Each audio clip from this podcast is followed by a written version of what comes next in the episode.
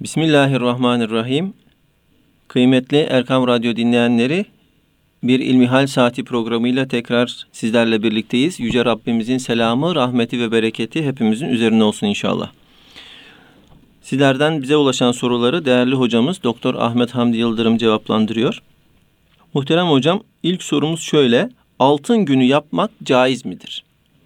Elhamdülillahi Rabbil Alemin ve salatu ve selamu ala Resulina Muhammedin ve ala alihi ve sahbihi ecmain. Altın günü sorusundan benim anladığım, özellikle de bayanların yaptığı, işte haftanın belli bir günü bir araya geliyorlar.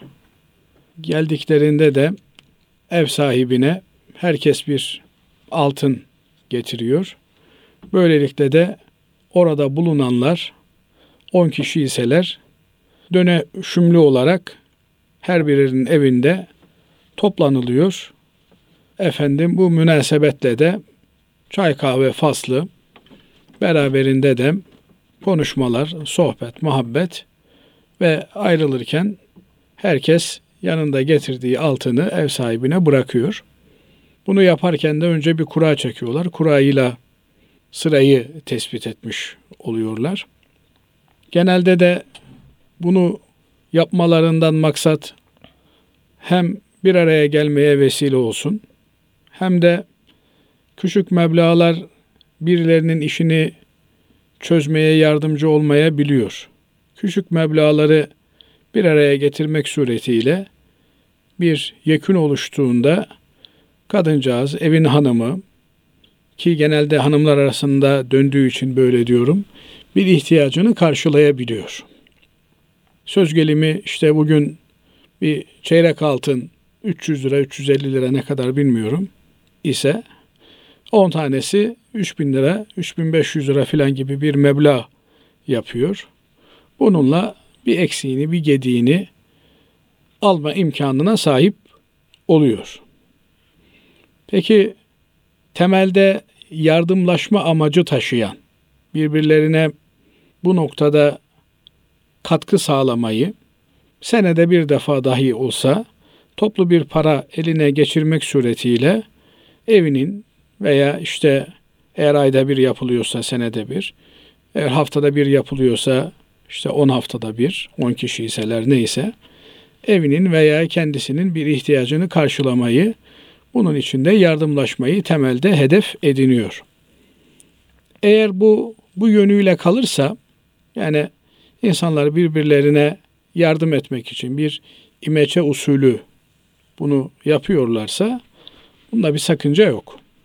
Sakınca yok derken aslında sakıncalı olan tarafını da söylemek gerekiyor belki. O da burada birbirine yardım etme, birbirine tabiri caizse borç verme ilişkisi var. Evet. İnsanlar birbirlerine borç veriyorlar. Peşinden de günü geldiğinde toplu olarak borçlarını ona ödüyorlar. Burada ben sana borç veriyorum, ileride sen de bana borç vereceksin şeklinde bir şart koşmayla borç verme doğru görülmemiş. Yani bunun bir şarta bağlanması, iyiliğin karşılık ilkesine bağlanması doğru görülmemiş. Artı böyle bir karşılık ilkesine bağlandığı zaman bu iyilik olmaktan çıkıyor, ekonomik bir faaliyet oluyor. O zaman ekonominin kuralları burada geçerli olur. Bu bir değişim akti midir? Bir alışveriş akti midir? Gibi bir takım sualler karşımıza çıkıyor. Eğer bir exchange işlemi, sarf işlemi, değişim işlemi ise o zaman bunun gününe gün veya işte e, anında peşin olarak, nakit olarak, keş olarak ödenmesi gerekir. Türünden bir takım mütalalar serdedilmeye başlar. Eğer bu iyilik eylemi olmaktan çıkar, ekonomik bir faaliyet haline gelirse ama burada gözden kaçırılmaması gereken bir husus var. O da bunun bir ekonomik faaliyet olmadığı, bir ticaret olmadığı, bunun genelde birbirlerini tanıyan insanlar arasında, komşular arasında, aynı binanın sakinleri arasında, akrabalar arasında icra edilen bir faaliyet olduğu ve bunun temelinde de bir yardımlaşma, iyilik yapma unsurunun olduğu görülür. Şu kadar var ki buna bir usul bir yol yöntem belirlenmiş. Kurayla kime önce borç verileceği ve kurayla da sıra tespit edilmiş oluyor. Bu yönü belki biraz işi ekonomik faaliyet boyutuna benzer kılıyor. Bundan dolayıdır ki bunu bir ekonomik faaliyet olarak gören hocalarımız bunun doğru olmadığını söylerler. Bunun bir yardımlaşma faaliyeti olduğunu gören hocalarımız da bunun doğru olduğunu söylerler. Fakirin kanaati de benim kanaatimde bunun bir yardımlaşma faaliyeti olduğudur.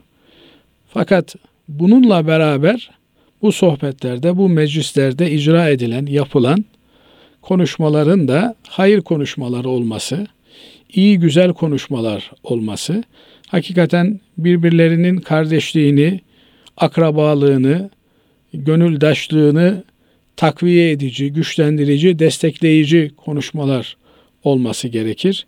Yoksa bir gıybet meclisi haline dönüşmesi doğru değildir. İnşallah bu çerçeve içerisinde kalırsa bu ve taavenu alel birri ve takva takva ve iyilik üzere işbirliği yapınız, yardımlaşınız ayetinin muhtevasına girer. Ama bununla beraber eğer gıybetti, dedikoduydu, günahtı eğer işleniyorsa burada o zaman ve la taavenu alel ismi vel udvan günah ve düşmanlık için birbirinizle işbirliği yapmayın, yardımlaşmayın yasağının zımnına girer ki bundan uzak durmak gerekir.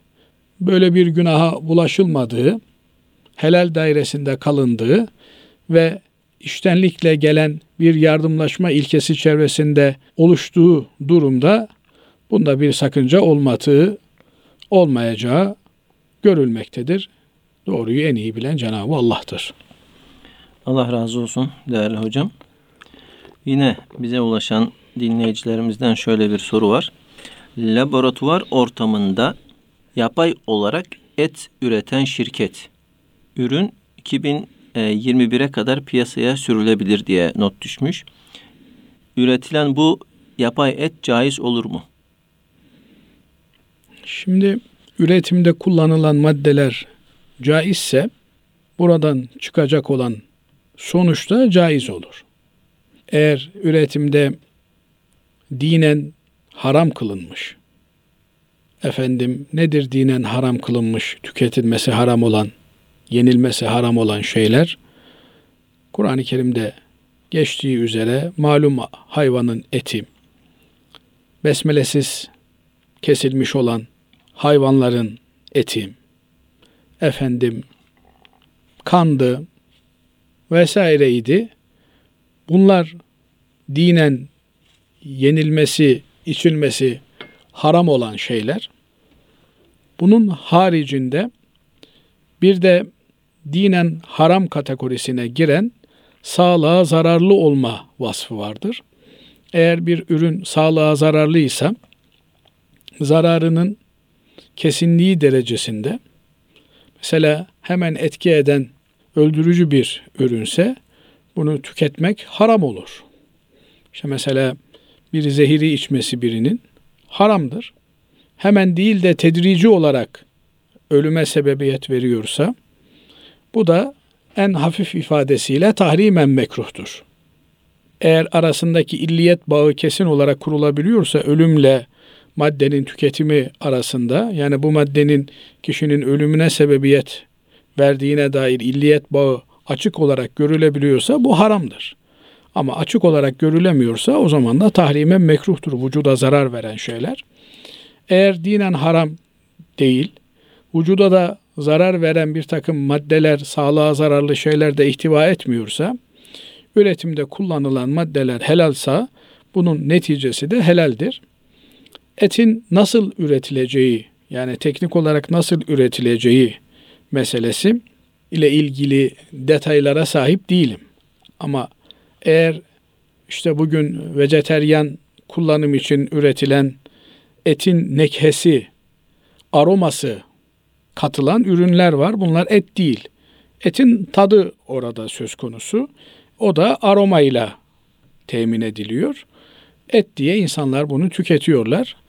Binaenaleyh eğer böyle bir şey ise burada söz konusu olan, belirleyici olan, neticeyi bizlere gösterici olan taraf kullanılan maddelerin helalliğidir. Sağlığa zararlı olup olmadığı meselesidir. Bu çerçevede değerlendirilir. Bunun ötesinde işin teknik boyutları ile ilgili bilgi sahibi olmak gerekiyor. Farklı bir noktasının olup olmadığına dair. Onu da inşallah önümüzdeki programlarda biraz daha araştırıp, geliştirip dinleyicilerimizle paylaşırız inşallah. İnşallah. Evet. Ee, üçüncü sorumuz şöyle. Efendim gaflet nedir ve ondan nasıl kurtulabiliriz? Yani dini vaazlarda, dini sohbetlerde çokça kullanılan bir kavram gaflet kavramı. Bunu açıklamamızı istiyor. Evet. Gaflet e, insanın asıl hedefinden sapması demektir. Varlık sebebimiz olan Allah'ı tanımak, Allah'a ibadet etmekten uzaklaşmamız gafletimiz anlamına geliyor. Dolayısıyla kişi asıl gayesini terk eder, lüzumsuz şeylerle meşgul olmaya başlarsa avarelik yapmış olur, gaflet etmiş olur. Bir Müslüman için gaflet Allah'ı anmadan geçmiş olan zaman olarak görülür. Allah'ı anmak, Allah Allah Allah diye Cenab-ı Allah'ın ismi zatını anmak olduğu gibi Cenab-ı Allah'ın İslam dininin bizden istediği hayat tarzını yaşamak suretiyle de gerçekleşir. Mesela Cenab-ı Allah bizden adil olmamızı istiyor. Adil olmak Allah'ı anmak demektir. Adil olmamak, zulmetmek de gafil olmak demektir. Herkese hakkını vermek, hak şınaslık Allah'ı anmak demektir. Ama hak yemek gafillik etmek demektir. Gafillik de derece derecedir. En büyük gaflet Allah'a kulluktan, Allah'a imandan kişinin uzak durmasıdır. Onun altında da gafletin dereceleri sıralanmaktadır. İşte büyük insanlar, Allah'a yakınlık kazanmış olan insanlar bir an kalplerinin Allah'ı zikirden gaflet etmesini gaflet olarak görürler. Ama bu gaflet bir başkası için eylemsizlik olarak değerlendirildiğinde en azından zararsızlık olarak görülür. Binaenaleyh kiminin gafleti bir günahın içerisinde bocalamak şeklinde iken kiminin gafleti bir günaha bulaşmadığı halde Allah'tan bir an uzak kalmak, onu anmaktan beri durmak anlamına gelir. Buna göre demek ki herkesin gafleti kendi makamına göre tecelli etmektedir. Sıradan bir Müslüman için beş vakit namazı kılmak, bu namazları cemaatle kılmak gerekir. Cemaatle namazını kılamıyorsa gafil Müslüman demektir. Bu noktada müsaadeniz olursa başımızdan geçen bir anekdotu anlatmak isterim. Buyurun hocam. Bundan 10 küsür yıl kadar önceydi. Mısır'a, Kahire'ye bir seyahatimiz olmuştu. Türkiye'den oraya Arapça eğitimi için göndereceğimiz kardeşlerimiz vardı. Bir ön hazırlık olsun diye önceden biz gitmiştik oraya. Orada tanıştığımız bir kardeşimiz taksi şoförlüğü yapıyor. Bizi Kahire'nin dışında bir takım yerlere götürecekti. Dedi ki ben sizin şoförlüğünüzü yaparım ama bir şartım var.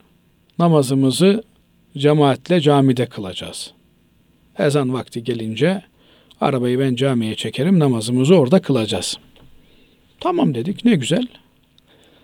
Efendim ertesi gün bir yeri ziyarete gittik. Orada camideyiz ama ezanın okunmasına bir saat daha var. Müsaade alalım çıkalım da dedik. Bir başka gideceğimiz yer var. Ezan okunduğunda bir camiye geçeriz. O kardeşimiz dedi ki hayır ben sizinle anlaşmıştım dedi. Namazı camide kılacağız. E tamam dedik. Ezan okununca camiye geçeriz. Hayır kardeşim dedi. Ezan gafil Müslümanları ikaz etmek içindir. Müslüman saatin farkında olan bir Müslüman vaktiyle camiye gider. Camiden nasibini alır.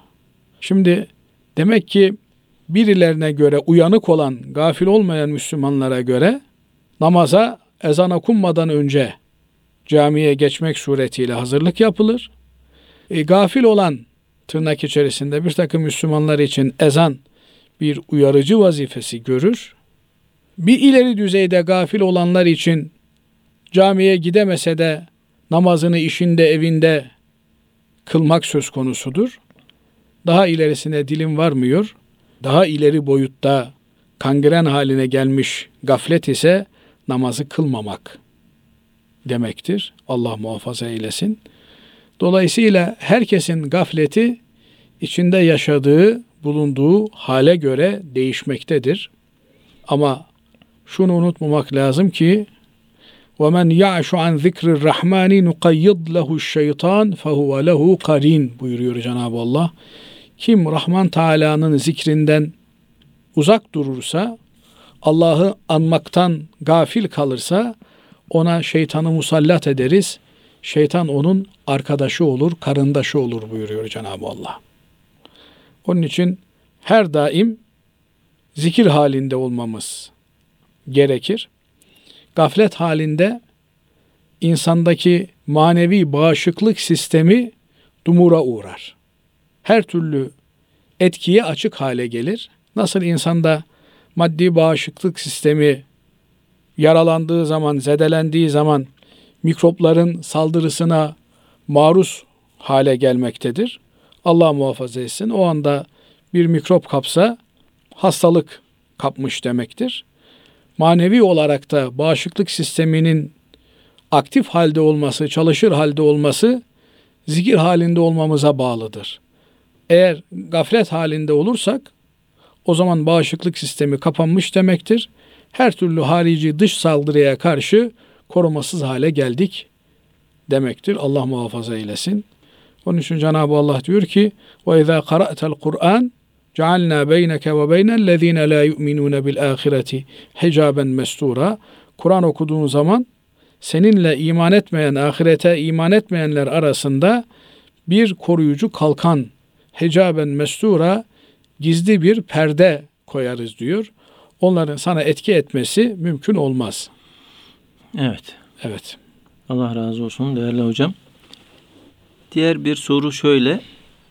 Günümüz ortamında kendimizi zinadan nasıl koruyabiliriz? Müslüman genç bayan ve erkekler ne yapmalıdır? Nasıl korunmalıdırlar? Tabi sadece bu söz konusu edilen günah değil, bütün günahlara karşı kendimizi korumamız lazım. Günahlara karşı koruyabilmemiz için de korunaklı yerlerde bulunmamız lazım. Şimdi bazen... Hocam korunaklı yer var mı? Şimdi onu söylemeye çalışıyorum. Evet. Bazen böyle duyuyoruz. Eskiden daha fazlaydı. Şimdi biraz daha azaldı. İşte bir site yapılıyor. O siteden daire almak isteyenlerin kılık kıyafetine bakılıyor. Başörtülü varsa ona daire verilmiyor. Efendim sebebi sorulduğunda ise aslında ya biz de Müslümanız, anam babam benim de Müslüman ama burada ağırlıklı olarak daire sakinleri, daire almış olanlar kapalı kimseyi istemiyorlar. Niye istemiyorlar kapalı bir kimseyi? İşte bizim çoluğumuz çocuğumuz var onlardan etkilenir diye endişe ediyorlar. Son derece tutarlı bir mantık, son derece haklılar. Yani çoluğun çocuğun varsa onun senin düşüncene muhalif olan düşünceden etkilenmemesi için tedbirini alman lazım. Yani bu insanlar, e, bunlara ben faşist laikler diyorum. Bunlar tedbirini almaya çalışıyor. Aman benim çoluğum çocuğumun diyor gözüne kapalı bir kimse ilişmesin. O da Allah muhafaza eder etsin, ondan etkilenir, tırnak içerisinde örtünmek ister filan diye. Ben şimdi kendi kendime soruyorum diyorum ki ya bizim çoluğumuz çocuğumuz hiç mi etkilenmiyor? Hiç mi bunların kalplerinin kayma ihtimali yok? Biz ev aldığımız yerde ki insanların kılık kıyafetlerine, oturduğumuz sokaktaki insanların kılık kıyafetlerine, sokağa çıktığımızda bu insanların göre okuldaki insanların kılık kıyafetlerine dikkat ediyor muyuz? Etmiyoruz. Şöyle bir özgüven söz konusu bizde. Yani bizim çocuğa bir şey olmaz. Niye bizim çocuk taştan mı, kemikten mi? Hasılı kelam eğer değerli bir şeye sahipseniz ki iman en değerli sahip olduğumuz değerimizdir. Onu korumak için azami gayreti göstermemiz gerekiyor. Bu yüzden Cenab-ı Allah sadıklarla olmamızı bizden istiyor. Kunu ma'as sadıkin. Sadıklarla olun. Yani samimi olarak Allah'a kulluk yapanlarla beraber olun. Hz. Peygamber aleyhissalatü vesselam Efendimiz de sadıkları samimi olarak Allah Teala'ya kulluk yapanları bizlere bildiriyor. Bir hadis-i şeriflerinde buyuruyor ki onlarla iken Allah'ı hatırladığınız kimseler diyor. Onlar görüldüğünde izâ ru'u zukirallah. Onlar görüldüğünde Allah akla gelir. Oturup kalktığınızda gündeminiz ahiret olur, Allah olur, din olur, iman olur. Oradan çıktığınızda bir huzur haliyle çıkarsınız. Gönlünüz ferahlar. Ama bir mecliste oturduğunuzda o meclisteki gündem ahiret değil, Allah değil, din, iman değilse oradan ayrıldığınızda gönlünüzde bir daraltı varsa orası salihlerin meclisi değildir. O meclisler insanı imansızlığa götüren meclislerdir. O da tabi kadime kademe. Binaenaleyh bir insanın günah ortamından uzak durması, iyilik ortamına kendisini çekmesi gerekir. Eğer bana bir şey olmaz, ben okunmuşum, ben sırmalıyım, kötülük bana etki etmez diye bir insan düşünürse Allah muhafaza etsin zaten kötülüğün içerisine düşmüş demektir. Bu yönüyle olabildiğince zamanımızı iyi, güzel insanlarla beraber geçirmeye çalışmamız gerekir. Onun haricinde tabii kişiye özel durumlar söz konusu olabilir. Yani bazı insanlar vardır ki hakikaten bir takım günahlarla ileri boyutta bir ünsiyetleri söz konusu olmuştur. Onların hakikaten birebir rehabilitasyona ihtiyaçları olabilir, terapiye ihtiyaçları olabilir.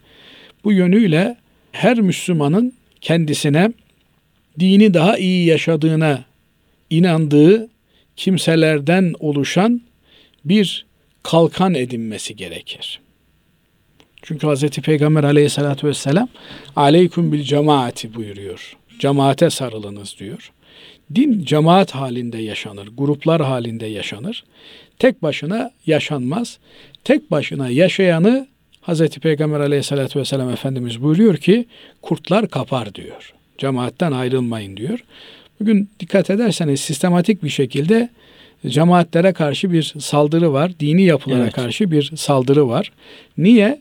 Dini yapının içerisindeyken bir insan bir otokontrol mekanizmasının içerisindedir. O kimsenin e, şeytanın oyuncağı olması zordur. Olmaz değil, olabilir tabi.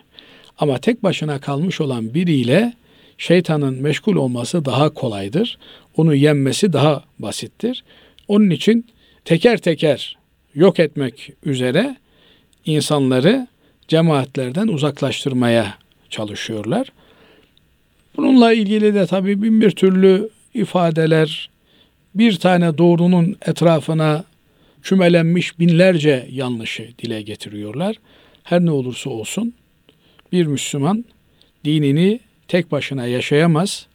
En azından namaz kılmak için bile cemaate ihtiyaç vardır. Evet. Cemaatin oluşması gerekir. Ama cemaatin de cami etrafında kümelenmiş, camiyi merkeze almış bir cemaat olması Evet. gerekir. Müslümanları camiden kopartan bir cemaat olsa olsa şeytana hizmet eden bir cemaat olur. Evet. Binaenaleyh böyle bir cemaatin müntesibi olan bir kimse Allah'ın izniyle korunmuş demektir. Ama burada insanın kendisini ne ile meşgul ettiği de çok önemlidir. Hani meşhur bir söz vardır. Dervişin fikri neyse zikri de odur diye. Binaenaleyh fikrimizi, zihnimizi ulvi şeylerle meşgul etmemiz gerekir. Ulvi şeylerle meşgul olduğumuz zaman bu tür süfli şeylerle uğraşmaya vakit kalmaz. Cenab-ı Allah hepimizi günahlardan muhafaza eylesin. Günahlardan tümüyle korunmak mümkün değil. Ama tövbe eden tövbesinde de samimi olan kulları zümresine ilhak eylesin diye dua ederiz. Amin. Allah razı olsun kıymetli hocam. Kıymetli dinleyenlerimiz, değerli hocam Doktor Ahmet Hamdi Yıldırım sizlerden bize ulaşan soruları cevaplandırıyor. Muhterem hocam, dini nikahın şartları hakkında bilgi verir misiniz? Dini nikah nasıl kıyılır? Evet, Cenab-ı Allah erkeği sonra da kadını yaratıyor ve insan neslinin devamı için kadınla erkeğin evlenmesi, üremesi gerekiyor.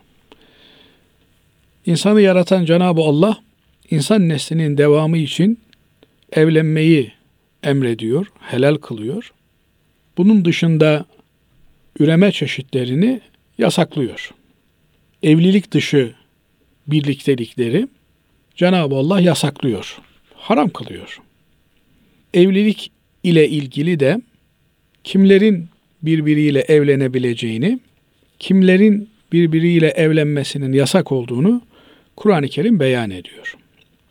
Buna göre evlilik evlenmelerine mani olmayan, engel olmayan kadın ile erkeğin Allah'tan alınan bir misak ile misakan galiza güçlü bir bağ ile bir aile birlikteliği kurmaları anlamına geliyor.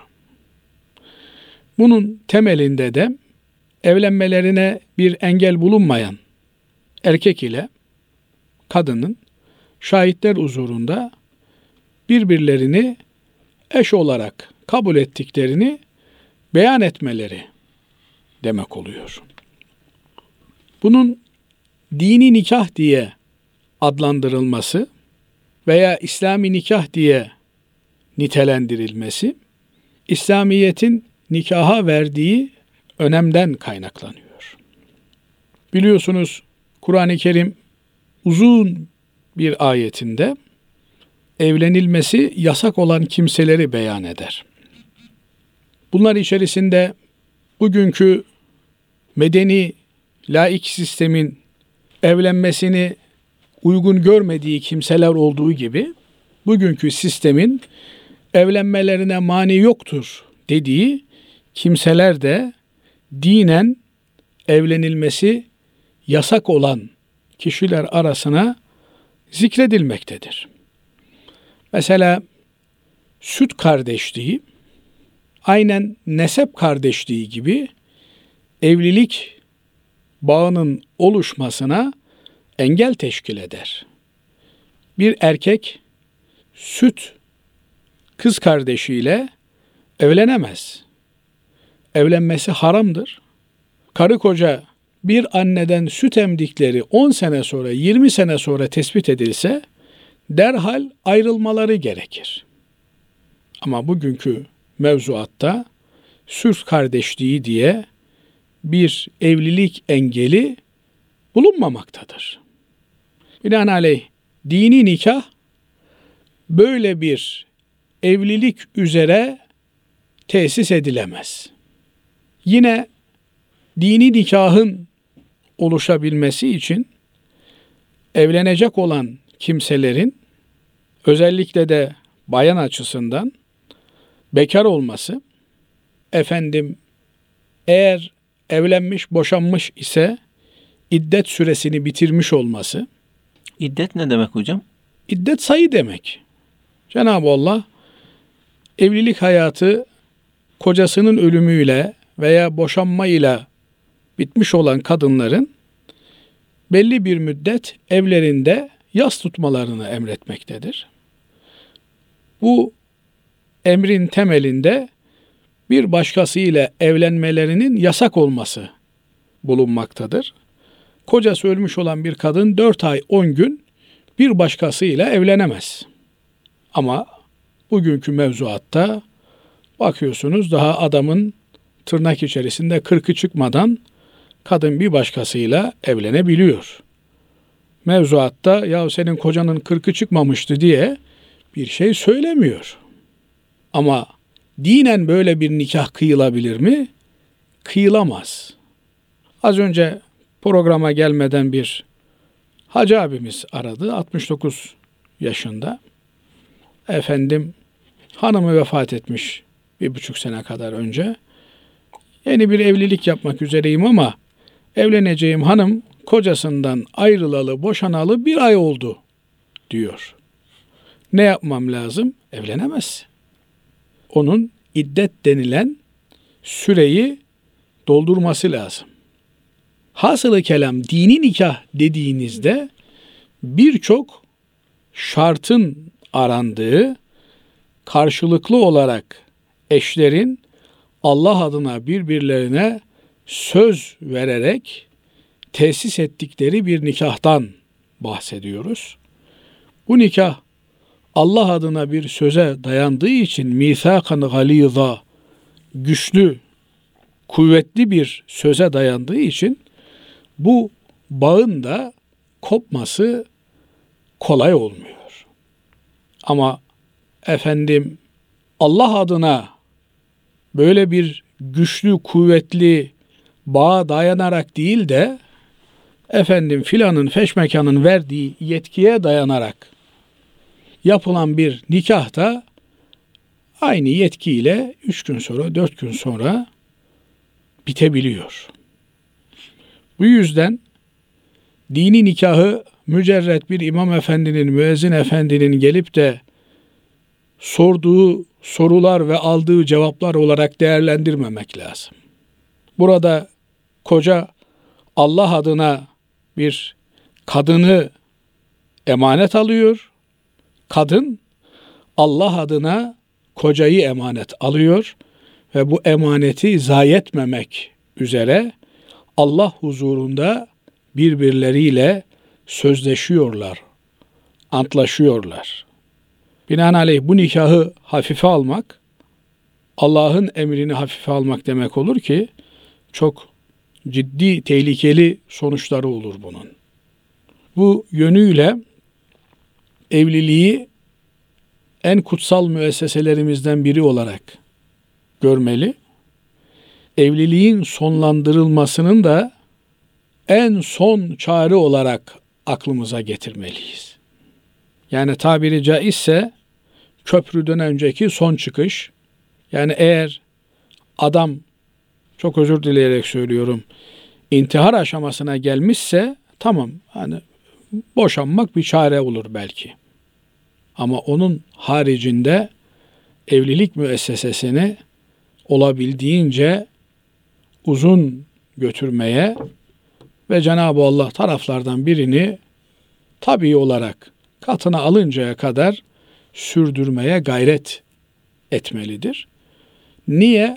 Allah adına alınmış bir söz ve Allah adına verilmiş bir söz olduğu için her halükarda sözüne sadık kalan kazançlıdır. Evet. Şimdi detaylarına gelince şartlarını, detaylarını vesairelerini soruyor. Kardeşimiz evlenmesi yasak olan kimseler olmayacak. Bir başkasıyla evli olmuş olmayacak kadın. Bir başkasıyla olan evliliğinden iddet bekliyor olmayacak. Bunun haricinde tarafların rızasıyla iki şahidin huzurunda gerçekleşen bir akittir. Ama bu aktin en temel özelliği aktin Allah huzurunda bu sözleşmenin Allah huzurunda yapılıyor olmasıdır. ve Allah adına şahitlerinin, tanıklarının bulunuyor olmasıdır. Binaenaleyh Allah adına yapılmış olan bir akdi, bir sözleşmeyi korumakla, sürdürmekle görevliyiz. Bunun bilincinde olmak durumundayız. Aksi bir durum Allah muhafaza etsin ciddi sorumlulukları beraberinde getirebilir. Evet. Ee, değerli hocam e, oldukça kapsamlı bir soru bize göndermiş e, dinleyicimiz. Tabii imkan nispetinde bunu cevaplandırabiliriz belki. İslamiyete göre ekonomik sistemler, prensipler ve temel kurallar nasıl olmalıdır? İslam ekonomisinin temel ilkeleri nelerdir? Tabii iktisat dediğimizde, ekonomi dediğimizde ilk akla gelen mesele Cenab-ı Allah malı, mülkü ne komünizmde olduğu gibi halkın hakkı olarak ne kapitalizmde olduğu gibi ferdin hakkı olarak tanımlar. Mal Allah'ındır. Mülk Allah'ındır. Kainatta her şeyin sahibi Allah'tır. Binaenaleyh her şeyin sahibi Allah olduğu için, malın sahibi, mülkün, servetin sahibi Allah olduğu için o servetin Allah'ın emrettiği şekilde değerlendirilmesi gerekir. Bu yönüyle Cenab-ı Allah kuluna eğer bir mal mülk vermişse bunu ona emanet olarak vermektedir. Mal benim malım, istediğim gibi tasarruf ederim lüksüne sahip değildir kul. Binaenaleyh mal kimin elinde olursa olsun o mal üzerindeki tasarrufunun bir takım genel ilkeleri söz konusudur. İsrafa kaçmayacaksın. Gösterişe kaçmayacaksın. Kimsenin gıpta damarını kamçılamayacaksın. Hocam israf meselesi hakkında mesela bir fakirin israfı ile az önce gaflette e, de bahsettiğiniz gibi yani bir fakirin israfı ile bir zenginin israfı e, farklı mı olur mesela anlayış olarak? Şimdi Cenab-ı Allah fakiri de zengini de aynı fizyolojik özelliklerde yaratmış. Hatta dün bir hasta ziyaretindeydik. Bir kardeşimizi ziyarete gittik. Öyle bahsi geçti. Mısır'da paşanın bir tanesi hastalanmış. Kuzuları çeviriyorlar, kebapları yapıyorlar. Ama yiyemiyor. Ağzının tadı yok. Camdan şöyle tarlasına bakmış ki uzaktan bir delikanlı ekmeğini çıkartmış, kuru bir ekmeğini efendim sulağa batırmış, orada ıslatmış. Bir de efendim çıkınından bir şeyler çıkartmış. Ekmeğin arasına katık yapıp afiyetle yiyor. Hey Allah'ım demiş. Ona ağız tadı verdin. Kuru ekmeği basit bir katıkla lezzetle yiyor. Bana servet verdin ama ağız tadı vermedin. Bu servette yiyemiyorum diye söylenmiş. Hasılı kelam biyolojik ihtiyaçlarımız açısından Cenab-ı Allah hepimizi eşit yaratmış. Her insanın günlük en fazla alacağı kalori miktarı bellidir. Onun üzerinde aldığı zaman vücudu zehirlemeye başlar. Dolayısıyla bunun üzerinde bir şey almak israftır. İnsan ister zengin olsun ister fakir olsun israftır.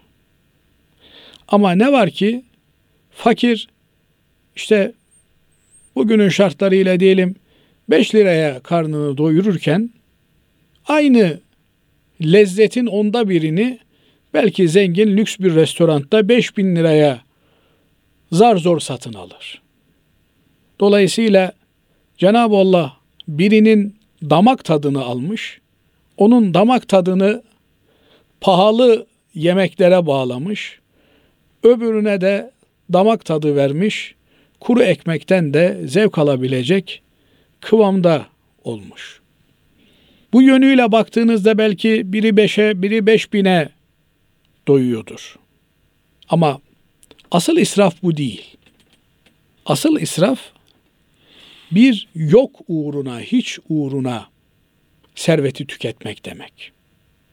Cenab-ı Allah örtünelim diye, yazın sıcağından, kışın soğuğundan kurtulalım diye size elbiseleri yarattım diyor. Bir elbiseye 10 lira vermek varken 10 bin lira vermek işte bu israftır. Efendim bir garibana 3 lira verirken yüreği titreyen işte bakkaldan 50 kuruşa su aldığında ya 30 kuruş olmaz mı diye pazarlık yapan bir kimse eğer o gün akşam bir lokantaya 3 bin lira para bırakabiliyorsa bu israftır. Halbuki 50 kuruşa gariban bir bakkaldan su aldığında üstü kalsın diye 50 lirayı bırakabiliyorsan akşam da yemeğini bir makul standartlarda yiyebiliyorsan sen israfa düşmedin demektir. Binaenaleyh israfın herkesi bağlayan bir ölçüsünü koymak mümkün değil. İsraf kişinin erdemin bozulmadığı vicdanların tayin ve tespit edebileceği bir meseledir. Ama asıl israf insan israfımızdır. Gariban, yoksul, kimsesiz insanlara bakış açımızdır. Asıl israf emri altında çalıştırdığı yüzlerce binlerce işçinin derdiyle dertlenememe israfıdır. Halbuki Cenab-ı Allah bizi eğer bir şekilde üç kişiyle beş kişiyle muhatap kılmışsa o üç beş kişinin maddi manevi sorumluluğuna soyunmak gerekir. Hasılı kelam konuyu dağıtmadan İslam ekonomisinin prensiplerinden bahsediyorsak eğer Cenab-ı Allah malı kendisinin olarak bizlere bildiriyor. Bize vermiş olduğu emaneti ne şekilde kullanacağımızı bizlere beyan ediyor. İsraf olmayacak, iki nankörlük olmayacak. Ne demek nankörlük olmayacak? Bu malın kaynağının kim olduğunu unutmayacak Müslüman. Ben kazandım, ben ettim, ben şu kadar adama ekmek veriyorum. Sana ekmeği kim veriyor? Sana havayı kim veriyor? Şu teneffüs ettiğimiz, ciğerlerimize çektiğimiz havayı bir an teneffüs edemesek, hadi ciğerimize çektik de gerisi geriye veremesek halimiz nice olur? Dolayısıyla şükür yani nimetin sahibini bilmek bu en önemli ilkelerimizden bir tanesi. Bugün maalesef zenginliği Cenab-ı Allah birçok kimseye tattırıyor. Ama maalesef dediğim tarafı o ki o zenginliğin kalıcı olmadığını görüyoruz. Niye? Nankörlük yapıyoruz. Elimizdeki paranın bizim olduğunu düşünüyoruz. Benim param istediğim gibi tasarruf ederim diyoruz. Böyle demeye başlayınca da Cenab-ı Allah ne halin varsa gör diyor ve kazanırken gıdım gıdım kazanılan kaybederken bir anda elden çıkıyor. Demek ki ikinci en önemli ilkemiz nimetin sahibini, kaynağını bileceğiz. Cenab-ı Allah'ın bu zenginliği verdiğini bileceğiz. Bunu bilince ona göre taksimat yapıyoruz. Cenab-ı Allah şuraya ver dediğinde baş üstüne ya Rabbi diyoruz. Niye? Nimetin sahibi o. Eğer nimetin sahibi olduğunu, şuurunu kaybederse bir zengin, o zaman malı kendinin zannetmeye başlıyor. O malı elinde tuttuğu sürece de o mal onun kötü akıbetini hazırlıyor. Bir menkıbeden bahsedilir. Esat Erbili Hazretlerine sormuşlar. İşte efendim günlük şu kadar insan tekkeye geliyor, yiyor, içiyor. Efendim demişler, bu masrafların karşılanabilmesi için bir gelir olması lazım. Gelir nereden? diye sormuşlar. Buyurmuş ki mübarek gelirimiz giderimizdir demiş. Yani ne kadar giderin varsa o kadar Cenab-ı Allah sana gönderiyor. Aslında asıl servet de o. Asıl zenginlik de o. Yani tükettiğin kadarına sahipsin. Üstüne sahip değilsin ki üstüne emanetçisin. Ama asıl bedbahlık da senin hesap verip de mirasçılara sefa sürmeleri için bırakacağın mal ve mülk olacaktır. Binaenaleyh nimetin sahibini, malın sahibinin Allah olduğunu bildiğinde bir insan Allah'a şükretmekten de geri durmaz. Diğer taraftan ekonominin bugünkü anlamda en temel prensipleri arz ve talep meselesidir. Hep şu söylenir, eldeki kaynaklar sınırlı, ihtiyaçlar ise sınırsızdır. Bu vahşi kapitalizmin ekonomik bakış açısıdır. Bize göre ise ihtiyaçlar sınırlıdır. Bir insanın ne kadar ihtiyacı olacak ki? Ama bunun karşısında Allah'ın bize verdiği nimetler sınırsızdır. Binaenaleyh o sınırsız olarak Allah'ın bize verdiği nimetleri bütün herkesle paylaşmamız gerekir. Eğer siz ihtiyaçları sınırsız, kaynakları sınırlı görürseniz o zaman elinizdeki dar kaynakları kimseyle paylaşmak istemezsiniz. Bu da bugünkü çarpık düzeni oluşturur. Halbuki Osmanlı'nın şahlanış dönemine baktığımız zaman her tarafta çil çil vakıf eserleri olduğunu görürüz. Niye? Sahip olduklarının ebedi kendileriyle beraber gelebilmesi, ahirete transferlerinin gerçekleştirilebilmesi için vakıf eserleri bırakmışlar artlarında. Bugün ise maalesef ecdadımızda olduğu gibi bir vakıf eseri bırakma anlayışının çok azaldığını görüyoruz. Ve insanlar koca servetleri biriktiriyorlar.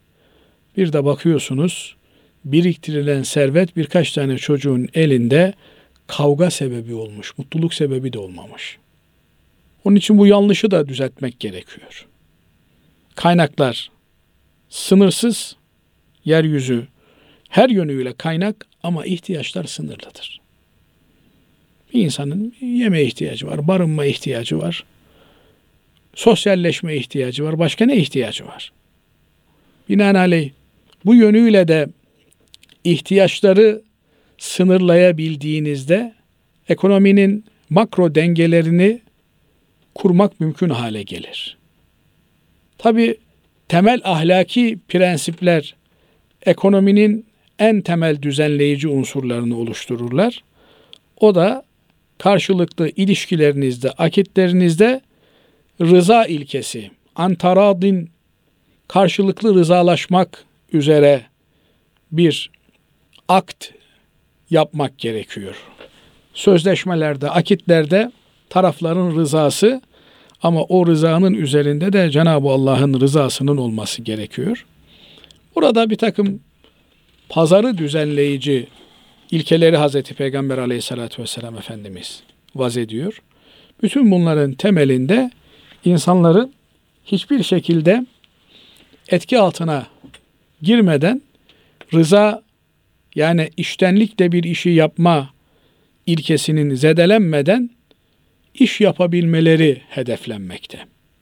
Öyle olunca piyasa kendi dengeleri üzerinde oluşmuş oluyor. Piyasaya her türlü harici müdahale yasaklanmış. Tamamen kendi iş dinamikleriyle arz talep dengesi üzerine oluşması öngörülüyor. Burada da Cenab-ı Allah'ın Razzak sıfatına atıf var. Hz. Peygamber aleyhissalatü vesselam Efendimiz'den Medine'de fiyatların artması üzerine fiyatlara nar koyması, yani fiyatların belli bir limitin üstünde satışını yasaklaması istenildiğinde ben Allah'tan korkarım diyor. Fiyat koyan Allah'tır diyor. İnna Allah huvel musa'ir. Yani fiyatları tespit eden Allah'tır. İnsanlar Allah'a iyi kul olduklarında ki Allah'a iyi kul olmaları Basri hocam çok namaz kılmaları, çok oruç tutmaları ile doğrudan alakalı değil. Allah'a iyi kul olmanın yolu iyi işler yapmaktan geçiyor. İyi işler ifadesi de Allah'ın kullarına faydalı olmak anlamına geliyor. Yani eğer insanlar birbirlerine karşı hayır hah olurlarsa, iyilik isteyen, birbirlerinin iyiliklerini talep eden kıvamda olurlarsa, yıkıcı rekabetin içerisinde olmazlarsa, o zaman Cenab-ı Allah fiyatları dengede tutar, bolluk bereket verir ve herkes bolluk, müreffehlik içerisinde yaşar gider. Ama eğer insanlar birbirlerinin kuyusunu kazmaya başlarlarsa o zaman bu netice itibariyle herkes bir buhrana, ekonomik krize yuvarlanacak anlamına gelir. Evet, Allah razı olsun değerli hocam. Kıymetli dinleyenlerimiz, bir İlmihal Saati programının daha sonuna ermiş bulunuyoruz. Efendim dini sorularınızı, fıkhi sorularınızı ilmihalsaati.erkamradyo.com e-mail adresine gönderebileceğinizi hatırlatarak programımızı kapatıyoruz. Hepinizi Allah'a emanet ediyoruz efendim. Hoşçakalın.